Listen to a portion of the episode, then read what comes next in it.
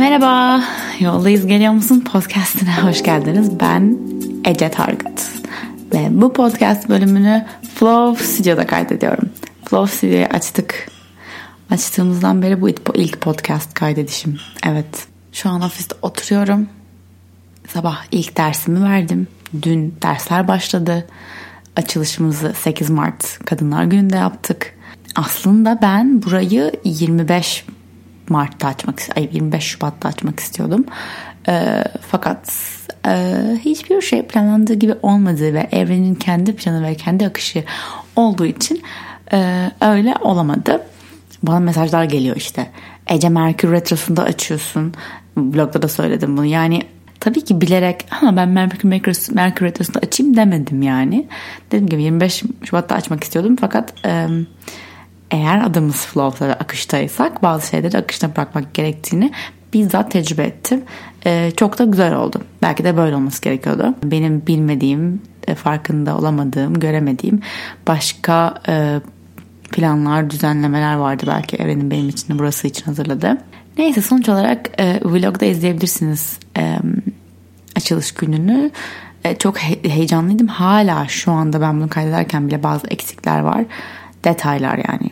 Belki kimse fark etmiyorlar ama ben bildiğim için fark ediyorum. Onları da yarın büyük ihtimalle tamamlamış olacağız. Ee, ve artık dersler başladı. Ee, nasıl hissediyorum? Bu sabah ilk dersimi verdim. Dün ilk dersime girdim Flow'la. Dün Seda'nın dersine girdim.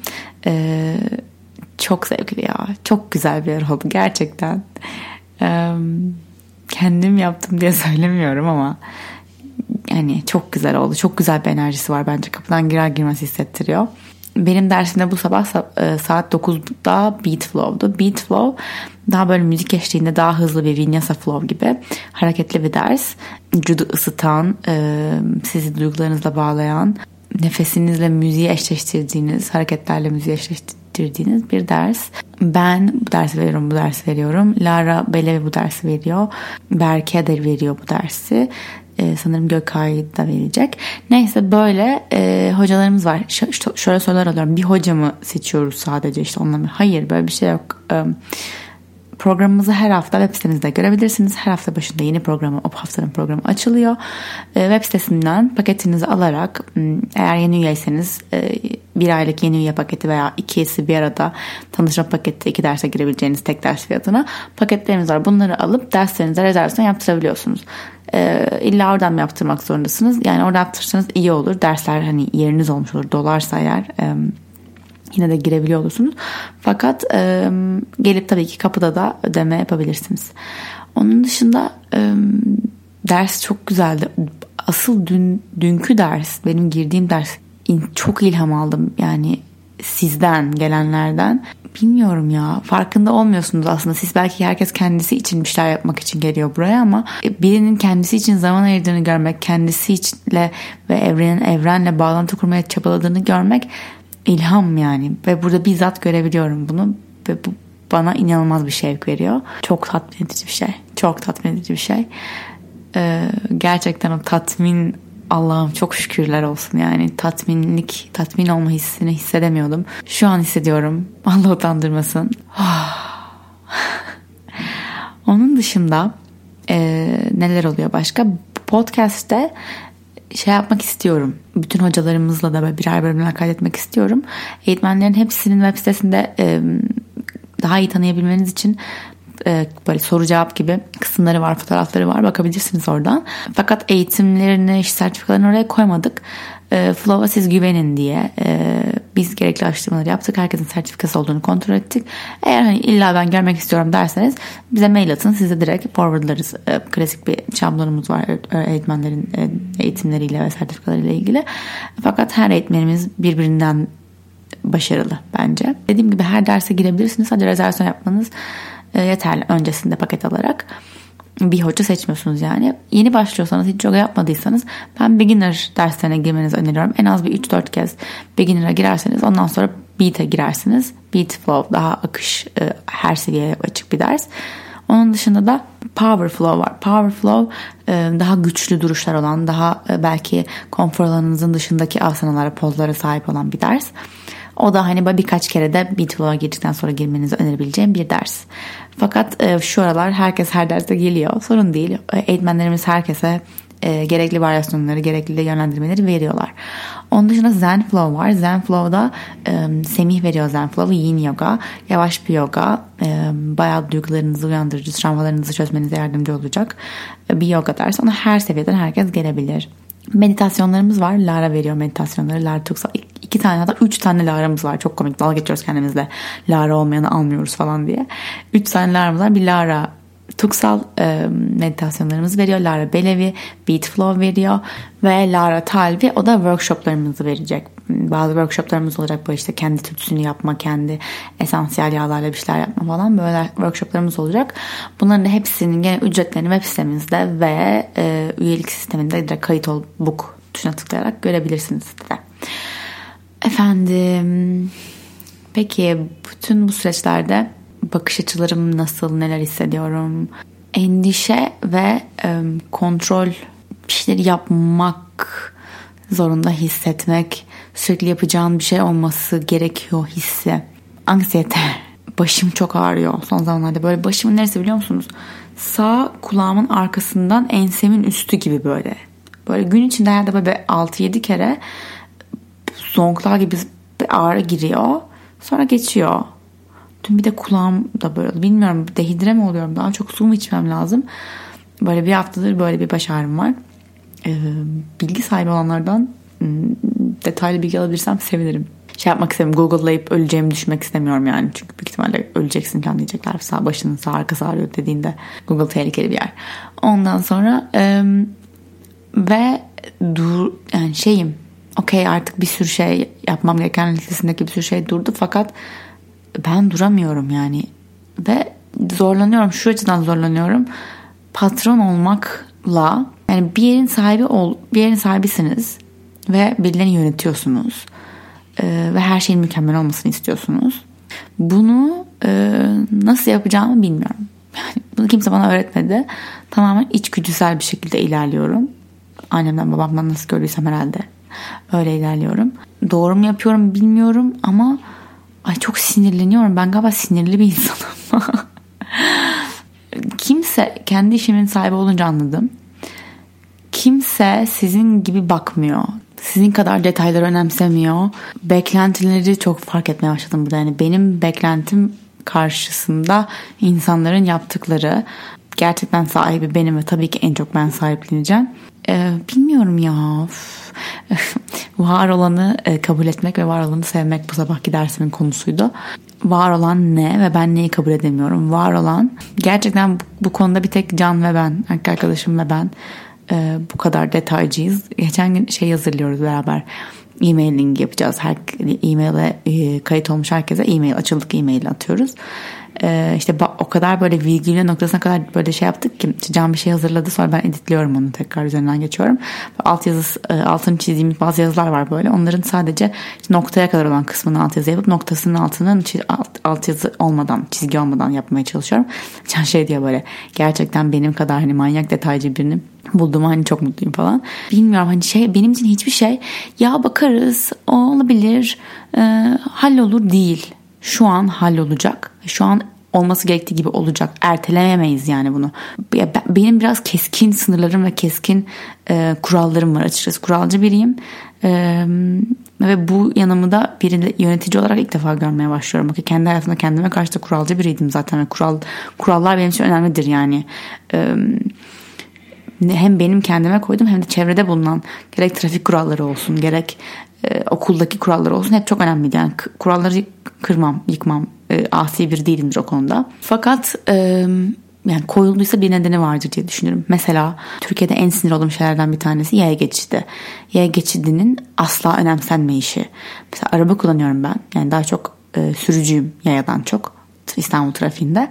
Ve e, yaya geçidinde arabaların insanlar yaya geçidinde beklerken gaza basmasına inanılmaz sinir oluyorum. Ya o yaya geçidi boşuna mı var? O, özellikle yağmur falan yağıyor mesela. Yağmurda sen arabandasın. Keyifli keyifli arabanı sürüyorsun. Ya da belki keyifli değilsin ama arabandasın ve ıslanmıyorsun. Ve yaya geçidinde biri bekliyor. Ee, ve sen ıslanan o kişinin geçmesine izin vermeyerek gaza basıyorsun. Gıcık ediyor beni. Çok bencilce geliyor. Bu beni neden bencilce geliyor? Bu, beni neden, bu bana neden bencilce geliyor? Beni neden rahatsız ediyor? Bunu belki daha sonra analiz etmem gerekiyordur. Belki kendi hayatımda ben nerede bencil davranıyorum diye sormam lazım. Ben kime karşı bencilim? Ben kendime karşı bencil miyim? Vesaire. Ama e, dediğim gibi bu bir kural ve kural olunca insanların kurallara uymayışı beni deli ediyor. Burada da aynı şekilde e, okey burası bir yoga stüdyosu ve akıştayız ve kabulüz falan filan hani bütün bu yumuşak şeyler, nazik şeyler, kibar şeyler okey. Fakat ben e, bir şeylerin tıkırında işlemesi için kuralların olması gerektiğine inanıyorum. Ve insanlara kuralları söylemezsen de e, manipüle etmeye çok yatkınlıklarını düşünüyorum. Mesela stüdyo etiket, stüdyo flow 101 diye bir şey var web sitemizde. Stüdyo, stüdyo etiketi yani stüdyo kuralları gibi bir şey. Bunlar çok basit. Stüdyoya ayakkabıyla girilmez mesela. Ayakkabılarını resepsiyonda yargılarını kapıda bırak. Yani buraya girerken içeriye yargılarını bırakarak giriyorsun. Yargı yok artık. Ee, ne kendine ne başkasına dedikodu yapmak yasak. İçeride dedikodu yok falan böyle şeyler. Ee, hatırlatılması gerektiğini düşünüyorum. O yüzden kendi derslerimde de hatırlatmaya çalışıyorum. Fakat dediğim gibi e, insan yönetmek ve kendi beklentilerinin başkaları tarafından gerçekleştirilmesini beklemek e, işte bu anksiyeteyi yaratan şey. Aslında var olan ne? Evet. Kimse benim kadar mükemmeliyetçi değil. Ve ben o zaman buna gerileceğime ne yapabilirim? Spesifik olarak ne yapılması gerektiğini listeleyebilirim. Bilmiyorum ya. Yani bu da benim çalışma şeklim. Belki birileri memnun olacak, birileri olmayacak.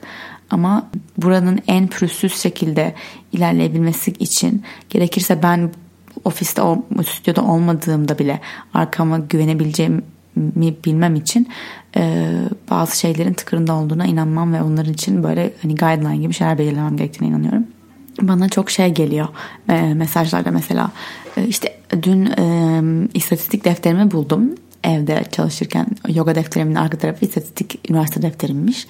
Şey story koydum işte hani istatistikte hiç başarılı değildim ve bence e, akademik başarı hayattaki başarınızı belirlemiyor. Yani illa okulda çok dersleriniz iyi diye e, gerçek hayata adım attığınızda çok başarılı olacaksınız demek değil veya tam, e, tam tersi okulda çok başarısızsınız dersleriniz kötü diye gerçek hayatta e, başarısız olacağınız da anlamına gelmiyor.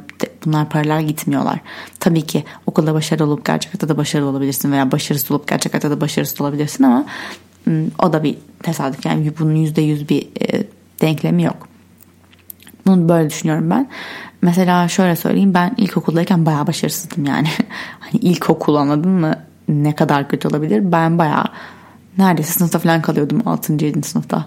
O kadar nefret ediyordum yani matematikten, fenden, nef biyoloji nefret ediyordum.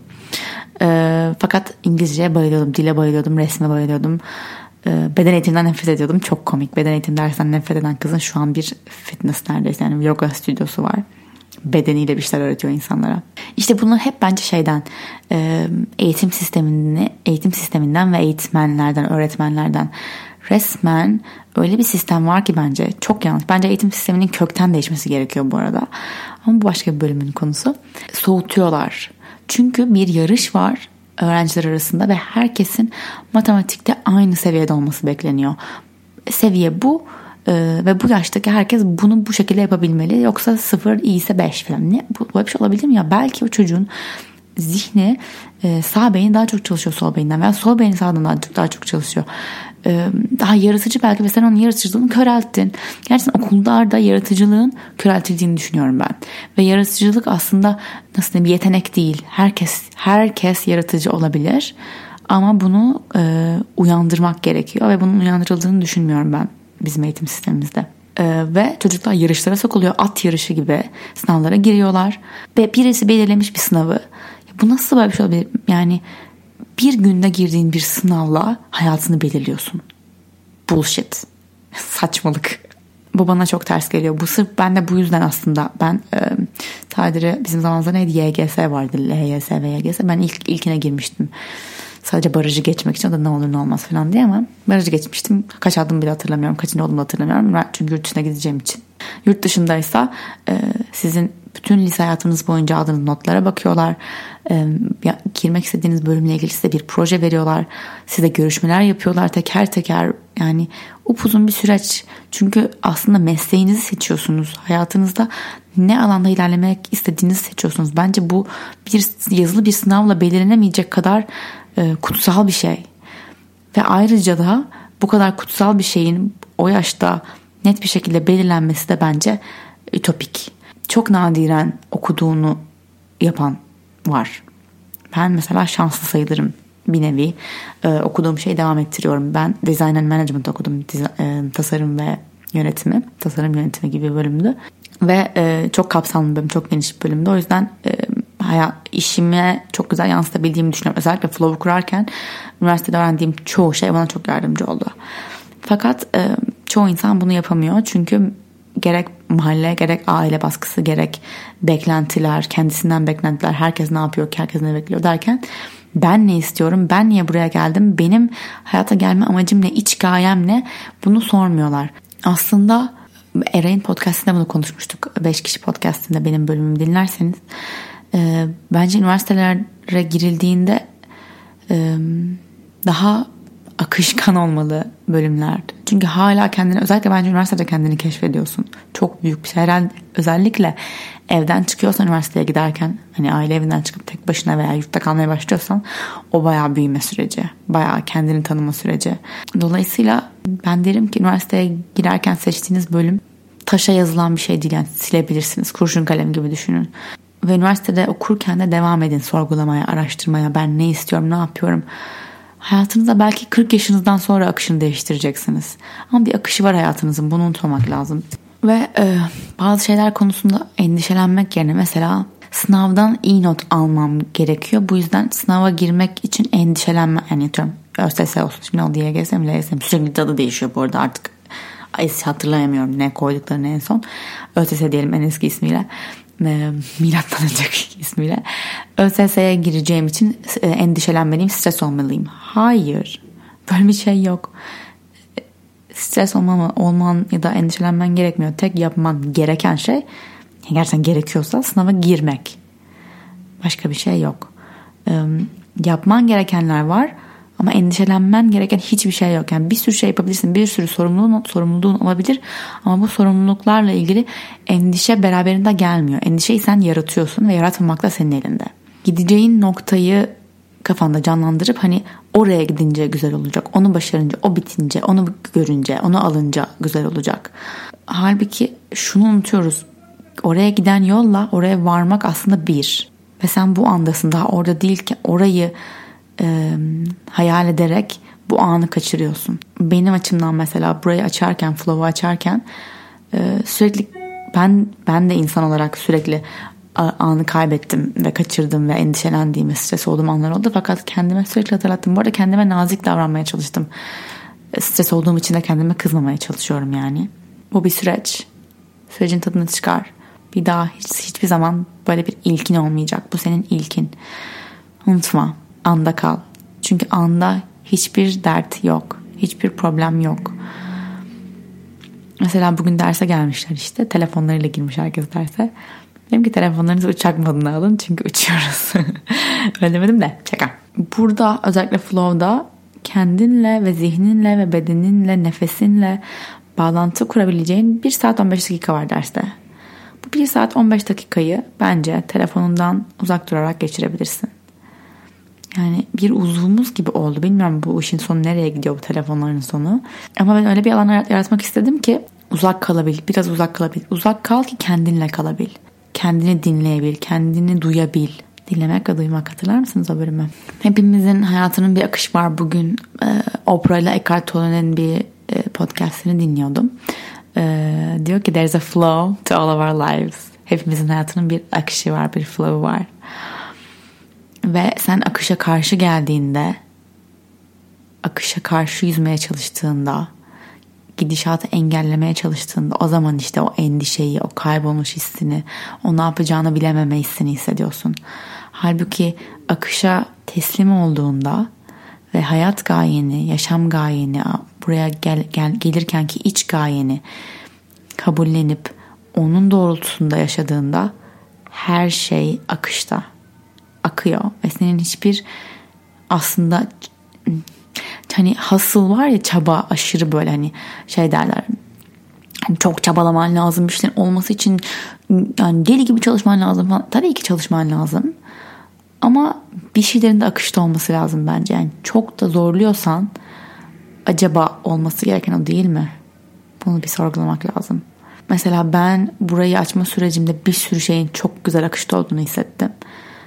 Zorlandım mı? Zorlandım. Zorlandığımı sizler de gördünüz, sizdiniz, duydunuz, dinlediniz.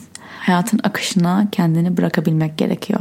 Bu da işte o kabulleniş ve sorgulama, kendine sorma, kendini dinleme. İşte bu yüzden sessiz zamanları öneriyorum, öneriyorum meditasyonu öneriyorum, yoga pratiğini öneriyorum. Yoga aslında ana gelme pratiği. Yani yogada aslında matında yaptığım bütün bu pozlar önce bu ana gelmek, anda kalmak. Anda kendi zihnini, kendini yargılamadan gözlemleyebilmek. Aslında yoga hareketlerini, pozlarını, asanaları e, başkaları görsün, baksın, e, takdir etsin diye yapmıyorsun. Görsel bir şey yaratmak değil yoganın amacı. Dolayısıyla yogayı bir obsesif bir şekilde yapmana gerek yok. Şu poz yapacağım işte handstand yapacağım ve onu Instagram'a koyacağım gibi bir amacı yok yoganın.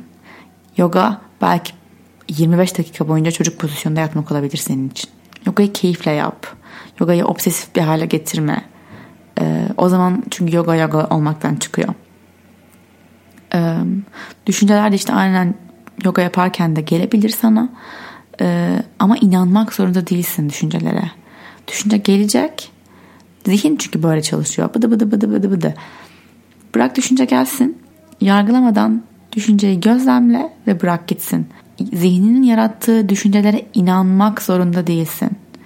Zihnin diyor ki mesela bugün selfie çekiyoruz gelenlerden biriyle. Ay çok çirkinim diyor. Bu zihnin yarattığı bir düşünce. Buna inanmak zorunda değilsin. Sen neye inanmak istediğine karar verebilirsin. Bu senin gücün, bu senin iraden. Bunu kullan. Podcast'ın sonunda beraber bir pratik yapalım istiyorum. Flow'a gelemeyenler belki uzaklardan bunu dinleyenler için. Eğer rahat bir ortamdaysan, rahatlayabileceğin bir ortamdaysan gözlerini kapat, rahat bir oturuşa gel. Bu ana, buraya gelene kadar zihninde neler biriktirdin? Zihninde hangi gürültüler var? Fark et. Sadece orada olduklarını fark et. Burnundan derin bir nefes al. İstersen ucay nefesini pratik edebilirsin. Daha önce denemiştik boğazından, boğaz kaslarını kasarak aldığın nefesin. Şimdi bu anda burada zihninin o gürültülü dalgasında mı kalmayı tercih ediyorsun? Gürültülü frekansta mı kalmayı tercih ediyorsun? Gerginlikte, korkuda, anksiyetede, endişede, şüphede. Eğer bunlardan biri varsa zihninde ve o seni bir tarafa sürüklüyorsa belki belki sen o treni, o seni sürükleyen treni bir süreliğine durdurabilirsin. Eğer bu bir enerji ise, bu bir frekansa sen de enerjetik olarak o tren, treni, o düşünceleri yavaşlatabilirsin. Nefesinle şu anda sadece burada oturarak, nefes alarak o düşünceleri, o gerginliği, o endişeleri durdurmak için gerekeni yapıyorsun zaten. Aslında bu gerginlik, endişe, korkunun yönettiği yolda bloke olan çok daha geniş bir enerji sistemi var. İçimizdeki derinlik, sonsuzluk bunu unutuyoruz. Ve sen o treni durdurduğunda kendine dönebilirsin. Aslında işte çözüm odaklı enerji orada. Çünkü sadece endişelenerek hiçbir şey çözülmüyor. Tek önemli olan şey burada niyet ediyor olman. Farkındalığa niyet ediyor olman. Ve bu farkındalık çözümün, her şeyin başlangıcı. Bir buzdağı hayal et. Sen bir teknedesin ve buzdağının sadece tepesini görüyorsun. Aslında farkındalık dediğim şey sürekli o altta kalan dev varlık. Buzdağının görünmeyen kısmı. Aslında o üstte gördüğün küçücük tepeyi o alttaki dev kısım oluşturuyor. Senin o tepede gördüğün kısım hayatının, işinin, ilişkilerinin nasıl göründüğü dışarıdan baktığında. Ama aslında tüm bunlar suyun altındaki düşünce sisteminden doğuyor, inanç sisteminden doğuyor, senin içinden doğuyor. Çevrendeki gördüğün her şey o buzdağının tepesi yani senin içinin bir yansıması. Senin pratiğin gerek meditasyon olsun belki yoga olsun bağlantıyı kurmak. amaç. İnanç sistemleri, anılar, öğretiler bunları gözlemlemek ve buzdağının altında ne var? Bunu yargılamadan gözlemleyebilmek. Düşüncelerinin farkına vardığında inançlarının farkına varıyorsun. Yarattığın inançlar, belki seni limitleyen inançların. İnançların aksiyonlarını oluşturuyor. Yaptığın harekete geçmelerin, aksiyonlarında reaksiyonları oluşturuyor. Yani bunların toplamı aslında senin hayatın ve geriye doğru baktığında her şey bir düşünceden başlıyor. Zihninden gelen, geçen bir düşünceden. Bir düşünce düşünüyorsun, ona inanıyorsun, onunla bir harekete geçiyorsun ve onun karşında bir reaksiyon geliyor. Bu senin hayatın oluyor. O zaman sen zihninde geçen düşünceleri değiştirdiğinde hayatını değiştirebilirsin. Gözlerini aç eğer kapalıysa. Derin bir nefes al, biraz gerin. Oh, ben de girineyim. Dün Seda'nın dersinden sonra Power Flow vardı dün. Her yerim ağrıyor. Bu arada artık e, düzenli hayata ve sağlıklı hayata geri dönmek istiyorum arkadaşlar. Bunu beraber yapabilir miyiz? Belki yaparız. Galiba bunu yapacağım ya. Bir video çekeceğim YouTube'a. Ve kendime bir sorumluluk ayırtacağım. Siz benim sorumluluk ekibim olacaksınız. Ve birlikte sağlıklı yaşama geri döneceğiz. Hepinizi çok seviyorum, çok öpüyorum. Beni tüm sosyal medya mecralarında at Ece Target olarak bulabilirsiniz. Onun dışında Flow Studio'dan da çok güzel paylaşımlar yapıyoruz. Flow Studio'yu da takip edebilirsiniz. Onun dışında bu podcast'te eğer Apple'dan da izliyor, e, dinliyorsanız 5 yıldız verirseniz ve bir yorum bırakırsanız çok sevinirim. Ee, öneri ve yorumlarınızı e-mail olarak bekliyoruz. Mail açıklama kutusunda yazıyor. Hepinizi öpüyorum, seviyorum. Bir sonrakine kadar yoldayız. Geliyor musun?